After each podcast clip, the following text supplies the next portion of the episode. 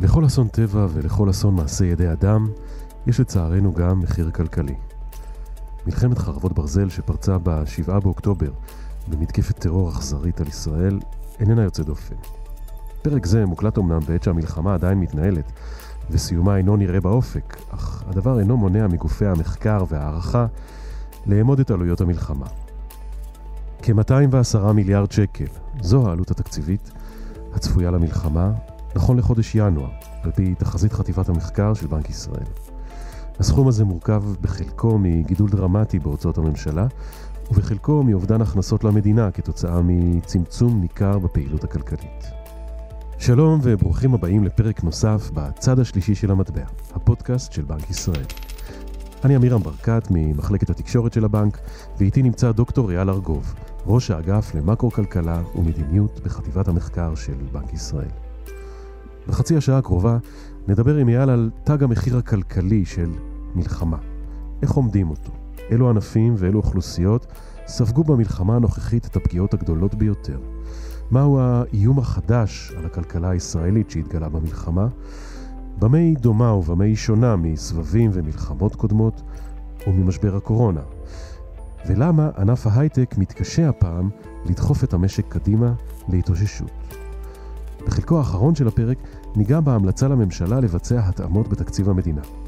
נסביר למה הכוונה במילה התאמות, ולמה כל כך חשוב שהמסר לשווקים יהיה שהחוב של מדינת ישראל נמצא תחת שליטה. שלום אייל. שלום לך אמירם, שלום למאזינים. אז אה, אייל, אנחנו נמצאים בשבוע שבו אה, הבנק הציג את אה, החלטת הריבית, ויחד איתה גם התחזית המעודכנת של חטיבת המחקר, שאתם מילאתם תפקיד מאוד מרכזי בכתיבתה. והתחזית הזאת צופה בין היתר שהמשק יצמח ב-2023 וב-2024 בשני אחוזים, נתון שנחשב יחסית אופטימי וניגע בו בהמשך. אבל בואו נתחיל כמו שאומרים בהתחלה. איפה ה-7 באוקטובר תופס אותך? איפה הוא תופס אתכם, כלכלני האגף? מתחיל בעצם מההתחלה, שזה הרבה אחורה, אז כמו כולם, 7 באוקטובר תפס אותי ברמה אישית ואת כל כלכלני האגף אה, בהלם ובזעזוע מהאירועים. דבר ראשון, בפגיעה בחיי אדם ובחטופים אה, ובחיילים, שזה מרכז האירוע. בגין זה, גם הדבר הראשון שעשינו זה ליצור קשר עם כל כלכלני האגף עוד בשבת בצהריים, דבר אה, חריג, לראות שכולם בסדר, לראות איפה יש בעיות אישיות. אבל האירוע הוא גם עם השפעה כלכלית.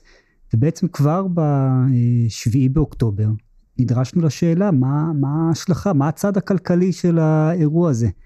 ולמעשה מסמך ראשון הוכן ונשלח כבר באותה כן, שבת בשעה זה הדף הזה שאתה מחזיק אה, ביד. זה הדף הזה, כן, שאני מסתכל עליו אחורה. כתוב עליו, אני רואה שעה חמש. ש... נכון. שביעי באוקטובר שעה חמש, אוקיי. שביעי באוקטובר שעה חמש, שכבר אה, נתנו הערכות אה, ראשוניות של הפגיעה במשק. אבל אנחנו לא רצינו לרוץ ישר, אתה הזכרת את התחזית של הצמיחה של 2 אחוזים, ידענו שאי אפשר לרוץ ישר ולתת את מספר הקסם של מה העלות, אנחנו בתחילת האירוע בדיעבד, אף אחד עוד לא הבין לגמרי את האירוע בשביעי באוקטובר, ולכן אנחנו פעלנו קודם כל בלאפיין ולזהות את הערוצים שדרכם הכלכלה עלולה להיפגע. אני רק מחזיר אותך שוב למסמך המעניין הזה, כי הוא באמת נותן איזושהי תמונת מצב של מה שעבר לכם בראש. מה ידענו אז? ראיתי שאתם כותבים שם שמה שעמד לנגד עיניכם זה אירוע בסגנון צוק איתן, אתם כן מדברים על חודשיים לפחות של לחימה. אבל לא תיארתם שזה יהיה משהו בהיקף כל כך גדול, נכון? בשביעי באוקטובר, ואולי גם לא בשמיני, אני חושב שלא הבנו לגמרי את ההיקף, וגם ככלכלנים, הנטייה שלנו היא אה, לבדוק דברים בצורה אה, אמפירית, אה, לא רק בצורת תחושות. ולכן כשקורה אירוע כזה, אנחנו דבר ראשון הולכים לאירועים דומים בעבר ולנסות להבין משם, ללמוד משם אה, מה הדברים. אז נכון, ההפניות הראשונות שלנו היו לצוק איתן, אני לא זוכר, כבר בשביעי באוקטובר, או אולי גם אה, לפני כן גם הסתכלנו על לבנון, אה, לבנון השנייה, אלה שני האירועים היותר גדולים מהעשור וחצי האחרון. לאט לאט גם גלשנו להסתכל על האינתיפאדה השנייה. לקח קצת יותר זמן וגם חשבנו במונחים של לבנון הראשונה ויום כיפור ומלחמות ישראל. זהו, האנלוגיה ליום כיפור צצה כמובן בהקשר של ההפתעה, של הקונספציה, אבל גם בהקשר הכלכלי יכול להיות שהיו איזשהם דברים ש... בחלק מהבחינות יש אנלוגיה ליום כיפור בהיקף חסר תקדים של גיוס מילואים. אורך גיוס המילואים, ביום כיפור באמת אנשים גויסו לחצי שנה, היום אנחנו כבר שומעים שיהיו אנשים שיהיו אה, סדר גודל של כמעט חצי שנה רצוף במילואים. אוקיי, okay, אז בואו באמת נדבר על ערוצי הפגיעה שזיהיתם. יש את ערוצי הפגיעה שהכרנו אותם היטב מהעבר. קודם כל ירידה בתיירות זה השליפה הראשונה שאנחנו יודעים שתיירים אה, לא ייכנסו. אנחנו גם מכירים מעבר שהתיירים לא חוזרים כאשר הלחימה נגמרת. לוקח סדר גודל של שנה עד שהתיירים חוזרים חזרה אחרי סיום הקרבות. יש גם ערוץ יחסית סטנדרטי, שאנחנו יודעים שבזמן מלחמה יש אה, פגיעה ברכישת אה, מוצרים לא חיוניים. אנשים בוודאי לא יוצאים למסעדות, אה, לחגוג, אבל גם אנשים נוטים לקנות פחות מוצרים שהם אולי נראים להם מותרות באותו רגע. אותו דבר לגבי דירות למשל, או שדוחים החלטות לרכוש דירה? קודם כל אנחנו יודעים שבאמת עסקאות בדירות ירדו בתקופת המלחמה, כשיש נתונים לאוקטובר, אולי אה, נובמבר, כולנו היינו קצת מסוגרים בתוך עצמנו מול מסכי החדשות ומול היקירים שלנו, אנשים שאנחנו מכירים אה, שנפגעו ולא היה נראה שזה זמן אה, להוצאות. אבל יש גם ערוצי פגיעה ייחודיים יחסית שאנחנו פחות מכירים אותם מה, מהעבר. כבר ב-7 באוקטובר הערכנו שהם יהיו, ידענו פחות לכמת אותם.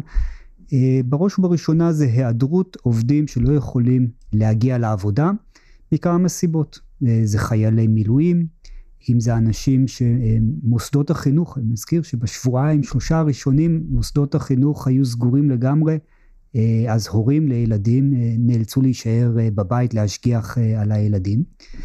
ויש את האוכלוסייה שפונתה מעוטף עזה, בהמשך גם בצפון, שמטבע הדברים, בוודאי בתקופות הראשונות, בשבועות או חודשים הראשונים, אה, גם אה, אה, לא הגיעו לעבודה, וזה אחד מערוצי הפגיעה הכלכלית. Mm-hmm. למעשה אחד המסמכים הראשונים שהוצאנו וגם פרסמנו, היה עמידה של מידת הנזק הכלכלי מבחינת פגיעה בשכר מאותם הערוצים הללו, עוד לפני שהיה נתונים, הכל על סמך בעצם הערכות שחיברנו לתוך בסיסי נתונים קודמים שיש לנו. ערוץ פגיעה אחד נוסף שאני כן אה, אזכיר, הוא לא היה בוודאי לא בעוצמות כאלה במבצעים אה, הקודמים, אה, היה בענף הבנייה. ענף הבנייה נשען במידה רבה על עובדים פלסטינים. עם תחילת המלחמה הוטל סגר על אזורי יו"ש, בוודאי שהעובדים אה, מעזה נכנסו. אנחנו מדברים בערך 200 אלף עובדים אה, מיו"ש ועוד 20 אלף מעזה, נכון? סדר גודל. זה בכל הענפים. בענף הבנייה מדובר ב-110 אלף עובדים אה, פלסטינים מיו"ש או מעזה, ולמעשה כתוצאה מזה, הרבה מפעילות הבנייה נעצרה, בהתחלה ממש כל אתרי הבנייה כמעט נסגרו, ועד היום, גם כשאנחנו מדברים עכשיו, סדר גודל של 50% מאתרי הבנייה עדיין סגורים. זאת אומרת, היקף הפגיעה בענף הבנייה הוא, הוא אפילו יותר מ-50 אחוז, אם ככה. אני חושב שאפשר להעריך שזה סדר גודל של 50 אחוז, עוד ייקח קצת זמן עד שאנחנו נראה את ממש נתונים על הפעילות, יכול להיות שבחלק, אה, כבר מי שפותחים אז מרכזים שם קצת יותר מאמץ, זה ייקח עוד קצת אה, זמן. אז יש לנו בעצם פגיעה בתעסוקה, זאת אומרת, אנשים לא מגיעים למקומות העבודה, יש לנו בעיקר, בדגש על פועלים פלסטינים, פועלים זרים שעזבו את הארץ, עוד... אה, זה בעיקר השפיע על ענף החקלאות. שגם שם היא... ענף חקלאות הוא, הוא נשען יותר על אה, עובדים אה, זרים, וגם צריך לזכור שחלק גדול מענף החקלאות נמצא באזורי הספר, אה, עוטף עזה, הצפון, והוא נשען במידה רבה על עובדים זרים. הייתה עזיבה של סדר גודל של עשרת אלפים עובדים זרים בתחילת המלחמה. ענף החקלאות כן קיבל קצת עזרה מהמון מתנדבים ישראלים, רוח ישראלית טובה. בענף הבנייה זה קצת יותר מורכב.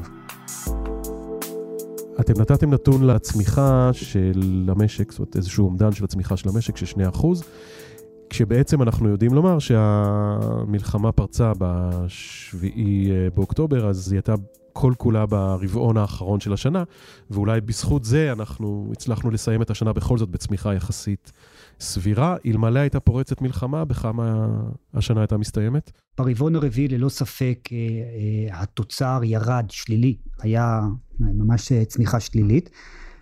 הערכות שלנו שאילולא המלחמה הצמיחה במשק הייתה בערך שלושה וחצי אחוזים, מה שאומר שאיבדנו אחוז וחצי של תוצר בשנת 2023, שזה 25 מיליארד שקלים, וצריך לזכור שגם בעצם המלחמה אה, עוד נמשכת, גם אם אה, תהיה בעצימות יותר נמוכה ממה שהייתה בתחילתה, וגם בשנה הבאה אנחנו מאבדים אה, סדר גודל של 50 מיליארד שקלים. זאת אפילו סכום כפול. כשנגיד דיבר השבוע, הוא דיבר על תג מחיר של סביב 210 מיליארד שקלים, אז ממה זה מורכב? בוא נחלק את תג המחיר לשני חלקים. יש תג מחיר אחד, שזה אובדן התוצר. אם אנחנו רוצים בצורה הכי פשטנית, אפשר לחשוב על זה כהכנסה של אזרחי אה, ישראל. אז זה מה שאמרנו עכשיו, של אחוז וחצי, כן. ו... ועוד... שבעצם מה שאנחנו מייצרים אחר כך חוזר אלינו כהכנסה, זה אה, ירד באותם 25 מיליארד שקלים ב-20 שלוש ועוד 50 מיליארד שקלים ב-24. חוץ מזה אבל יש מרכיב נוסף של עלות של המלחמה, זה כמה בעצם הממשלה אה, משלמת עכשיו על אה, דברים שאילולא המלחמה היא לא הייתה צריכה לקנות. Mm-hmm. זה בעצם הגידול בתקציב הממשלה, ועל זה בעצם הנגיד דיבר. הנגיד הזכיר את אה, עלות המלחמה, מה שאנחנו קוראים מצד הפיסקלי, מצד חשבונות הממשלה. שכולל בתוכו אה, כמה מרכיבים. קודם כל הבולט ביותר זה כמובן הוצאה ביטחונית אה, מאוד אה, גדולה. תחמושת, דלק, דברים כאלה. קודם כל אנשי מילואים, mm-hmm. שצריך לזכור שבמקום לעשות משהו אחר, במקום לתכנת בהייטק או לנהל מפעל או לעבוד בייצור, הם יצאו למילואים. ויש לזה עלות כמובן לא מבוטלת. מעבר לזה, יש נושא של תחמושת ואספקה שהוא כמובן מאוד משמעותי. אה, חוץ מזה, בהוצאות התקציביות הנוספות יש אה, נושא של אה, פיצויים לעסקים על אובדן ההכנסה שלהם, יש הוצאות אזרחיות כמו טיפול במפונים, יש פיצוי על נזקים ישירים למשקי בית, אנשים שנפגע הבית או הרכוש שלהם ומקבלים אה, פיצוי. שזה גם די משמעותי בסבב הזה, אולי אפילו יותר מסבבים קודמים, זה נכון? זה יהיה הרבה יותר משמעותי מסבבים קודמים, זה לא באותם אה, סדרי גודל. בעצם אנחנו מדברים על הנזק שנגרם ליישובי העוטף וגם בצפון. יישובי העוטף, בצפון. וגם אה, לא מעט נזק בערים נוספות, אנחנו יודעים שלמשל אשקלון חטפה פגיעות מאוד גדולות, וערים נוספות, כל זה בעצם עלות שנופלת עלינו כמשק ישראלי, שאילולא המלחמה, לא היינו צריכים להוציא אותה. זאת אומרת, חלק גדול מאותם 210 מיליארד שקלים זה ההוצאות האלה. ש... כן, הוצאות הוצאות ביטחון והוצאות אזרחיות כאלה והוצאות שיקום אה, עתידיות שיהיה לנו. היו שם גם דברים שהפתיעו אותנו, נכון? זאת אומרת, אף אחד לא צפה למשל שהחות'ים אה, יתחילו... נכון, היה מרכיב אחד שבהתחלה, בשבועות או חודש ראשון של המלחמה, סימנו אותו ככרגע אנחנו לא, לא רואים שם בעיה קשה בכל נושא הסחר חוץ של ישראל. כך גם היה בסך הכל במבצעים או במלחמות קודמות, אבל בחודש האחרון אנחנו רואים בעצם, הייתי קורא לזה איום שמתפתח על הכלכלה הישראלית. אה, החות'ים בשער של הים האדום יורים או מנסים לפגוע בספינות אה, אזרחיות, חלקם בדרך לישראל, חלקם בכלל לא בדרך אה, לישראל, אלא בדרך לעבור בתעלת סואץ, בדרך לכל הים התיכון, כולל אירופה. והתוצאה היא שהמענה הראשון הוא שספינות עושות מעקף של אפריקה, זה גם מאריך את זמן ההפלגה. אה, גם מייקר אותה, יש עלויות אה, ביטוח אה, שעולות. וזה דבר שבעצם יכול לייקר במידה מסוימת את היבוא. אני חושב שכרגע אנחנו עוד, הסיכון הזה הוא יחסית נשלט, אבל זה מקום שאני חושב שאנחנו שמים עליו עין ובודקים אותו. אנחנו מעריכים שסדר גודל של 16 אחוז מהיבוא של ישראל בעצם מגיע דרך הערוץ הזה. דרך הערוץ הזה.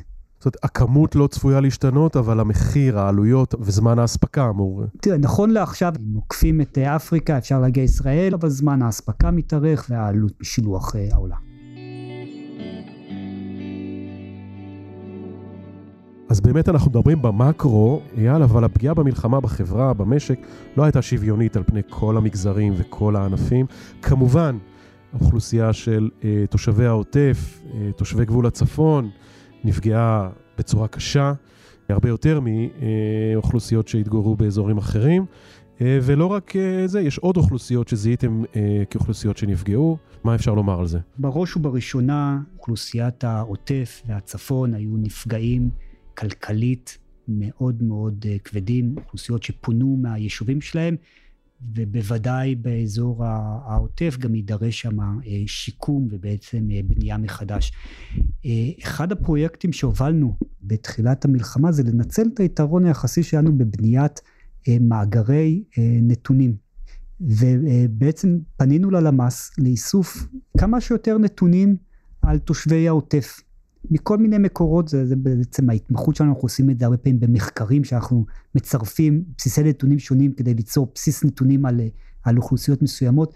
בעצם בנינו מאגר ייחודי של נתונים על אה, תושבי העוטף והצפון, המצב הדמוגרפי שלהם, מצב התעסוקה שלהם ערב המלחמה, ההכנסה שלהם. את זה עשינו למעשה עבור אה, מנהלת אה, תקומה, המנהלת שאחראית על אה, שיקום העוטף, יצרנו איתם קשר, העברנו להם נתונים וזה משרת אותם בעצם באפיון התהליכים שהם יעשו לשם שיקום העוטף. כי בעצם מדובר לא רק על השיקום והחזרת המצב לקדמותו, אלא אפילו מעבר. זאת ההבטחה היא לחזק את האזורים כן, האלה, נכון? הרצון הוא לחזק את האזורים האלה, זה גם זה הרצון של הממשלה, זה הרצון אה, של תקומה, וזה כמובן דורש אה, גם חשיבה וגם ניתוח. מה המשמעות של זה? מה יהיה האופי של היישובים שם? אוקיי, okay, ואוכלוסיות שנפגעו, זאת אומרת שאנחנו פחות אולי רואים אוכלוסיות יותר שקופות. אז מקום נוסף שניתחנו אותו אה, אה, במלחמה זה האוכלוסייה בחברה הערבית, אזרחי ישראל. אה, כשזה בא בעצם משני מקומות הניתוח אה, אה, שעשינו. קודם כל חשש שהאוכלוסייה הזאת היא מלכתחילה אוכלוסייה חלשה אה, כלכלית והיא לא בהכרח, יהיה לה לפחות יותר קשה לשאת אה, מכה כלכלית אה, נוספת, יש לה פחות שומנים. וגם חששנו מהיווצרות מצב שבו ירידה באינטראקציה, פחד באינטראקציה בין יהודים לערבים בעצם מוליך פה לאיזושהי פגיעה נוספת ומשמעותית בתעסוקה. ובאמת אנחנו ראינו שבחודש אוקטובר בניתוח שערכנו ופרסמנו, אנחנו ראינו שבחודש אוקטובר שיעור האבטלה של החברה הערבית זינק פחות או יותר פי שתיים מהאוכלוסייה היהודית. זה נובע מכמה סיבות, אחת מהן, הרבה מהאוכלוסייה הערבית הישראלית גם כן עובדת בענף הבנייה שהיה מושבת, אבל חלקו גם יכול לנבוע מכך שבעצם היה איזושהי תקופה של ניסיון לצמצם אינטראקציה אה, בין יהודים אה, לערבים. ואיך ראיתם את הפגיעה הזאת? במה זה בא לידי ביטוי למשל? זה בא לידי ביטוי בזה ששיעור גבוה יחסית של מועסקים מהחברה הישראלית-ערבית לא עבדו או נעדרו מהעבודה שלהם. לא רק בתעשיית הבנייה, גם בתעשיות נוספות. לא רק בתעשיית הבנייה. בענפים נוספים. גם בענפים אחרים, כן. אז מיפינו אייל את הנזקים שנגרמו בעקבות המלחמה, דיברנו על הענפים והאוכלוסיות שנפגעו במיוחד.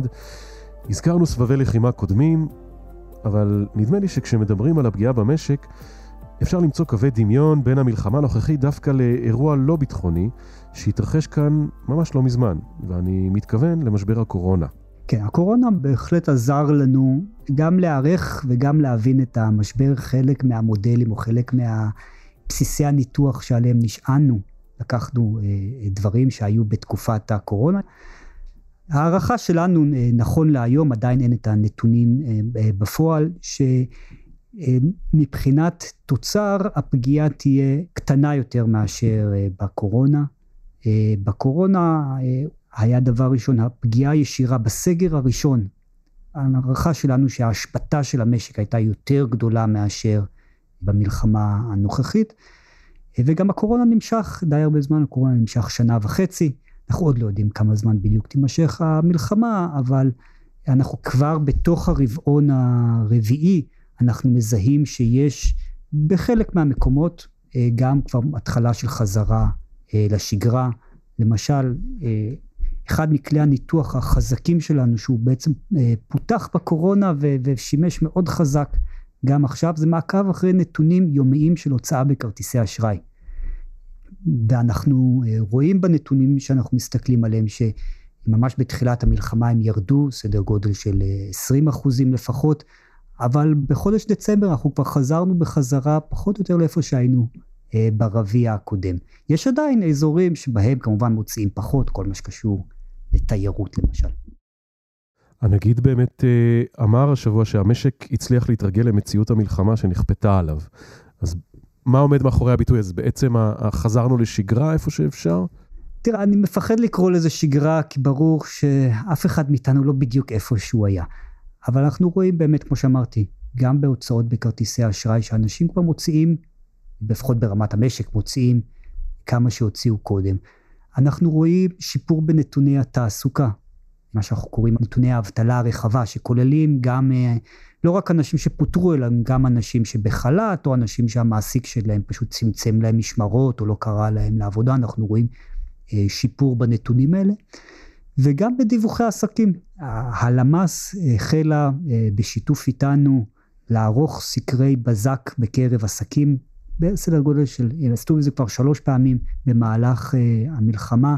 פונים לעסקים ושואלים אותם מה מצב התעסוקה שלך נכון להיום, כמה אתה מעריך את הפגיעה בפדיון, מה פוגע לך בתעסוקה, וגם שם אנחנו רואים מגל לגל, שהגל האחרון היה במחצית שנייה של דצמבר, אנחנו כבר רואים אה, שיפור במענה של אה, העסקים.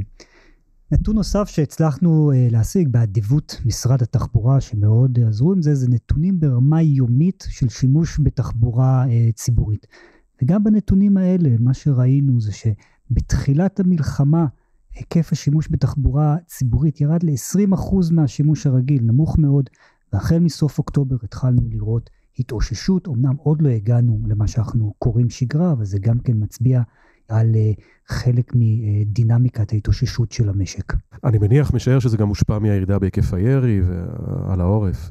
עם התקדמות המלחמה בעצם היא עברה להיות בתוך רצועת עזה, כשהעורף יכול לעבוד פחות שיגורים, פחות אה, אזורים שמוגדרים כמסוכנים, כשלצד זה אה, פתיחת מערכת החינוך מחדש הייתה צעד מאוד אה, חשוב בעצם אפשר מחדש אה, אה, להחיות את הפעילות העסקית. הזכרתי קודם את העבודה שעשינו על אה, הערכת הפגיעה כתוצאה ממילואים, אה, אנשים אה, שפונו וסגירת מערכת החינוך. בעצם הפגיעה הגדולה ביותר מבין שלושת אלה הייתה בגלל סגירת מערכת אה, החינוך, כי היא פשוט מאוד היא מאוד רוחבית, היא, היא מכסה המון אה, משקי בית. אני מניח שהרבה מהמאזינים, שמי ששומע אותנו עכשיו, אה, זוכר את הימים האלה וחש את זה אצלו. טוב, זו תובנה חשובה, אני חושב, גם למשברים כאלה בעתיד. אנחנו זוכרים משבר הקורונה שההייטק יחסית נפגע פחות, אני מדבר בעיקר על יצוא שירותים. ראיתם גם הפעם ש... או שהפעם לא הייתה איזושהי הפתעה לטובה מיוחדת, כבר ידעתם לצפות את זה? אני חושב שהסביבה היא אחרת. ענף ההייטק היה מאוד חשוב אה, בהתאוששות מהקורונה. והוא גרר אחריו בעצם את אה, כל המשק הישראלי להתאוששות אה, מאוד מהירה. בין היתר כי הייתה פריחה בדיגיטציה אחרי הקורונה. ולכן היה ביקוש מאוד אה, גדול להייטק. גם היינו בתקופת הקורונה בעולם שונה. ביציאה מהקורונה עוד היינו בעולם של ריביות אה, אה, אפסיות, עם הרבה מימון שזורם. והתנאים האלה לא נמצאים עכשיו. ולכן אני לא בטוח שאנחנו יכולים לבנות על ענף ההייטק שימשוך אותנו מהר מחוץ למשבר. אנחנו נכנסנו גם למשבר הזה כאשר ענף ההייטק בכל העולם התחיל להתרכך, ראינו פחות גיוסי הון אה, בענף ההייטק, שוב, בין היתר על סביבת האינפלציה שעלתה. וריביות יותר גבוהות ועלויות מימון יותר גבוהות. והמצב כמובן בישראל לא היה פחות טוב, אולי אפילו יותר אה, גרוע. כן, קודם כל נפגענו אה, יחד עם כל העולם, ואולי הייתה גם איזושהי פגיעה עודפת על רקע הדברים שהעסיקו אותנו עד השביעי באוקטובר. אני כן אציין אה, יתרון וחיסרון אחד של ההייטק בתוך תקופת המלחמה. מצד אחד להייטק הייתה יכולת אה, גבוהה אה, גם בקורונה וגם עכשיו לעבוד מרחוק, לעבוד מהבית, הוא מתורגל בזה וזה נתן לו יתרון. מצד שני אני חושב שאנחנו שמענו על שיעורי גיוס מילואים יחסית גבוהים בתוך ענפי ההייטק.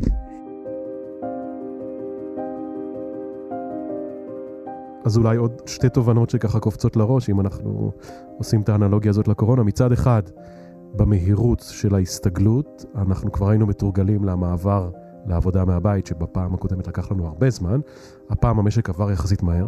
ומצד שני, מבחינת ההתאוששות, אתה אומר, אין לנו את הקטר הזה של ההייטק, ובכלל, ההתאוששות שצפויה מהמשבר הזה, כנראה לא תהיה כמו ההתאוששות הפנטסטית שאנחנו ראינו אחרי הקורונה, שבעצם די מחקה את כל הנזקים שהקורונה השאירה. תראה, כלכלה תמיד עוד יכולה להפתיע אותנו, אבל יהיה קשה לצפות שבסביבה, אפילו הגלובלית, אה, של ריביות חיוביות, של אה, תקופה שבה אנחנו אה, עדיין פועלים לריסוד אינפלציה בישראל ובעולם, שאנחנו נצא מהמלחמה הזאת עם שיעורי צמיחה האדירים שהיה לנו אחרי הקורונה. ב-21 המשק הישראלי צמח בלמעלה מ-9 אחוזים, זה מספר כמעט חסר תקדים, ועוד 6.5 אחוזים בשנת 22. אני חושב שיותר קשה אה, לבנות על השיעורי צמיחה אה, כאלה גבוהים אה, מראש. אוקיי, okay. וזה מביא אותנו בעצם לדברים שעלו השבוע, וזה בעצם ההשפעות שיהיו למשבר הזה ולהתמשכות שלו על תקציב המדינה. כשאתה מסתכל על התקציב, אז באמת יש דברים שיישארו איתנו, נכון? שמבחינת הגידול בהוצאות, נדמה לי שהזכרנו, או לפחות בתחזית שלכם, מדובר גם על uh, הוצאות עודפות בתקציב הביטחון, גם על הוצאות שיקום גדולות, וגם על הוצאות ריבית שצפויות לגדול. נכון, אם בקורונה היו הוצאות ענק, אבל הם הסתיימו ברגע שהסתיימה הקורונה. נכון, הממשלה ממש שפכה כסף. הממשלה, והייתי אומר אפילו, זה גם חשוב להקשר הזה, הממשלות בכל העולם ביחד שפכו הרבה מאוד כסף, זה היה מקובל, אף אחד לא ראה אותנו כחריגים, וברגע שנגמרה הקורונה, גם שפיכת הכסף אה, הסתיימה. וזה עזר להוציא אותנו מהר מהקורונה, זה היה חלק ממה שהוציא אותנו מהר מהקורונה. אבל כאן המצב הוא שונה משתי בחינות חשובות. אחד, זה סיפור ישראלי ולא עולמי. אתה מתכוון שגם מבחינת היחס לעולם אלינו, אנחנו יותר תחת זכוכית מגדלת, מעניין. זה סיפור ישראלי ולא עולמי. כלומר, רואים אותנו, מסתכלים עלינו בזכוכית מגדלת. ככל שאנחנו מוצאים ומגדילים את הגירעון והחוב, אנחנו אה, בולטים ביחס אה, לעולם. אבל מרכיב שני ולא פחות חשוב, הבנו שההוצאות הנוספות לא יסתיימו עם סוף המלחמה, ויידרשו הוצאות יותר גדולות ב- לאורך זמן אה, מתמשך. אה, בראש ובראשונה יותר הוצאות ביטחוניות, אמנם זה עוד יצטרך להיקבע, אבל ברור לכולם שנצטרך צבא יותר גדול גם אחרי המלחמה, אני חושב שזה חלק מהדברים שאנחנו לומדים מהמלחמה הזאת, וגם יהיו הוצאות שיקום ארוכות. שיקום העוטף דרך מנהלת תקומה, זה דבר שיארך זמן וידרוש תקציבים אה, גדולים, ולכן צריך להתייחס לזה אחרת, זה לא משהו שאפשר להגיד עליו בסדר, נפל עליי פה הוצאה גדולה, ייגמר, נחזור חזרה לאיפה שהיינו. אנחנו צריכים לחשוב בצורה של שינויים מבניים, כי משתנה לנו משהו מבני בתקציב. גם uh, הוצאות הריבית צפויות להיות יותר גבוהות כי החוב גדל. כרגע אנחנו צופים שבשנת 24 נעלה מחוב של 60 אה, אחוזי תוצר שהיינו בו ערב המלחמה ל-66 אחוזי תוצר. זו עלייה משמעותית. אבל מה שאנחנו מדגישים הרבה, והנגיד אה, גם כן הדגיש, כשקורה לך משהו גדול, בסדר, החוב שלך גדל, אתה לוקח הלוואה, אבל השאלה זה מה קורה אחר כך. האם אחר כך אתה עולה על תוואי שבו אתה מתחיל להחזיר את החובות ונמצא על חוב יורד, או שאין לך פתרון, ובעצם החוב שלך ממשיך כל הזמן לגדול. ו... אני חושב שהייתי נזהר מלהלוות כסף למישהו שאני יודע שהחוב שלו כל הזמן הולך וגדל ואין לו דרך להפחית אותו. והמשמעות שאם יחשבו שזה המצב שבו אנחנו נמצאים, אם המלווים לישראל, המשקיעים, גופי דירוג האשראי, יחשבו שזה המצב בישראל, זה ייקר לנו את החוב, ילוו לנו, אבל ידרשו יותר כסף אה, אה, תמורתו, והדבר הזה גם מתגלגל אחר כך אה, לפגיעה בפעילות, לפיחות של המטבע, לעלייה באינפלציה, לצורך בריביות אה, יותר גבוהות. כל זה עוד לפני שאנחנו מדברים שאנחנו עדיין, יש אה, אה, סיכונים שלא כולם מגולמים בתחזיות הבסיסיות שלנו, כמו למשל הסיכון עוד לחזית צפונית, הסיכון שהוצאות הממשלה על ביטחון יידרשו להיות עוד יותר גבוהות ממה שאנחנו מעריכים. כל הסיכונים האלה עוד קיימים.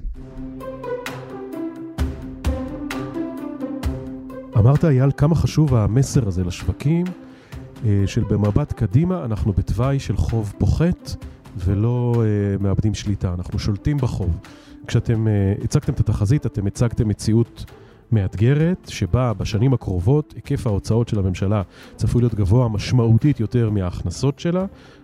ההכנסות יחזרו ויתאוששו, אבל ההוצאות צפויות לגדול פרמננטית, אתה אומר ב-30 מיליארד שקל מעבר למה שצפינו קודם בכל שנה, ואת הפער הזה אפשר לממן אה, בעצם בשתי דרכים, או באמצעות לקיחת עוד הלוואות ועוד חוב, מה שיגדיל לנו את החוב ויכניס אותנו לסיטואציה בעייתית, או באמצעות התאמות. התאמות, מילה קצת מכובסת, המשמעות שלה היא צעדים להגדלת ההכנסות, שזה בראש ובראשונה העלאת מיסים, או צעדים להקטנת ההוצאות, שזה קיצוצים בתקציבי המשרדים. שני צעדים ש... לא פשוט לבצע, אבל זה בעצם, אה, אתם אומרים, חשוב מאוד לעשות את זה כבר כעת.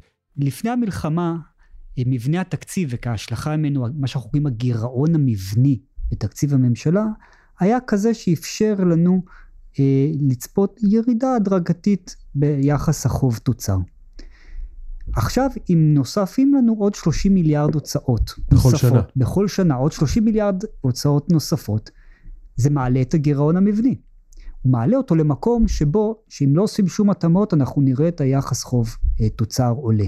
ואם אתה רוצה לחזור חזרה לעולם שבו יחס החוב תוצר יציב או אפילו יורד מעט, אתה חייב להוריד את הגירעון המבני בסדר גודל של 30 מיליארד אה, שקלים, ולכן בעצם מה שגילמנו בתוך התחזית זה שהממשלה מפחיתה כבר החל מ-25 את ה... אה, עושה התאמות בסדר גודל של 30 מיליארד אה, שקלים, שחלקם, סדר גודל של מחציתן הייתי אומר, נכנסות לתוקף כבר בשנת 24. אה, אייל, אתה רוצה אולי להגיד לנו איך הגעתם למספר העגול הזה של ה-30 מיליארד? עד כמה זה קדוש המספר הזה, הסכום הזה? 30 מיליארד יש אה, שלושה מרכיבים אה, מרכזיים. הגדול ביניהם זה תקציב הביטחון עם הנחת עבודה של גידול של 20 מיליארד שקלים לתקציב הביטחון. בכל שנה, מה שאתה קורא בכל, פרמננטי. בכל שנה, כן. כשהחלקים האחרים זה אה, כסף לשיקום אה, העוטף דרך מנהלת אה, תקומה, כמו שהזכרנו, והוצאות ריבית נוספות על זה שהחוב גדל. אבל אני רוצה לחדד איזושהי נקודה חשובה לגבי הגודל הזה, 30 מיליארד. לא צריך להיתפס למספר, אלא לעיקרון. העיקרון שאנחנו מנסים להנחות זה של לעשות התאמות כנגד הגידול הפרמננטי בהוצאות. אנחנו הנחנו כהנחת עבודה שזה 20 מיליארד נוספים לביטחון. אם הגידול הפרמננטי בהוצאות שלהם יהיה יותר נמוך, אז צריך לעשות פחות התאמות. למשל, אם הגידול בתקציב הביטחון יהיה רק 10 מיליארד שקלים נוספים, אז צריך לעשות, יחד עם החלקים האחרים, 20 מיליארד שקלים להתאמות. טוב, אתה רוצה לומר משהו לסיכום, ככה, תובנות שלך, לקחים שלך מה...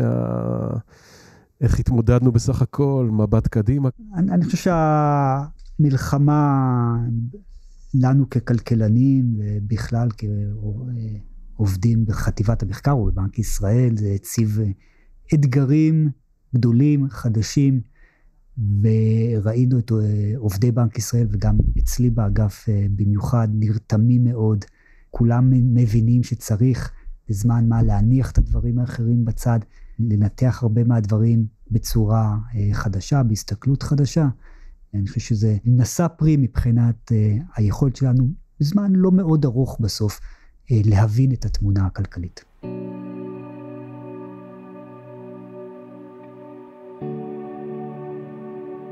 התחלנו אייל עם עובדי חטיבת המחקר ב-7 באוקטובר ואתה חוזר בסוף גם לדבר על ההתמודדות שלהם עם המלחמה ונדמה שאי אפשר אה, לסיים את הפרק אה, בלי להזכיר את העובדה שהשכול נגע גם בעובדי חטיבת המחקר ואני מתכוון לסמל עדי צור בנה של אה, עובדת חטיבת המחקר סיגל צור, עובדת מצטיינת של הבנק, שנפל חלל ביום הראשון באותו שבעה באוקטובר, בשעה שהגן בגופו על תושבי יישובי העוטף. אז ככה שהאבל הפרטי פה התחבר לאבל הלאומי. לגמרי, לגמרי כמו הרבה הרבה מאוד מקומות אה, אחרים. אז גם בנו זה נגע וזה היה חלק אה, משמעותי גם מהשבוע הראשון של המלחמה עד שבעצם נודע שהוא נפל, אבל בעצם מאז זה משפיע ומלווה אותנו. סיגל עובדת יקרה גם בחטיבת המחקר, אבל נגעה בכל עובדי בנק ישראל פחות או יותר, בדברים שהיא תמיד נתנה ועסקה בהם. והסיפור האישי של אה, עדי צור, באמת סיפור של גבורה שהיה שם, היה המון גבורה, והוא חלק מסיפור אה, הגבורה, וזה גם חלק מסיפור חטיבת המחקר. תודה רבה אייל, ושנזכה לימים שקטים ורגועים, ושכולם יחזרו הביתה בשלום. אמן. אייל ארגוב, תודה רבה. תודה רבה לך, אמירם. עד כאן פרק נוסף בפודקאסט הצד השלישי של המטבע. תוכלו לשמוע אותנו ביישומון ההסכתים החביב עליכם, Spotify, Apple Podcast, Deezer, Google Podcast, Amazon. מומלץ להירשם כדי לקבל עדכונים על פרקים חדשים. בקרו גם באתר בנק ישראל, שם תוכלו לצפות בעוד הרבה חומרים מעניינים שהפקנו עבורכם. תודה לניר לייסט ולאור שמיר על ההפקה. תודה לכם על ההאזנה. אני הייתי אמירם ברקת ואנחנו נשתמע בפרקים הבאים.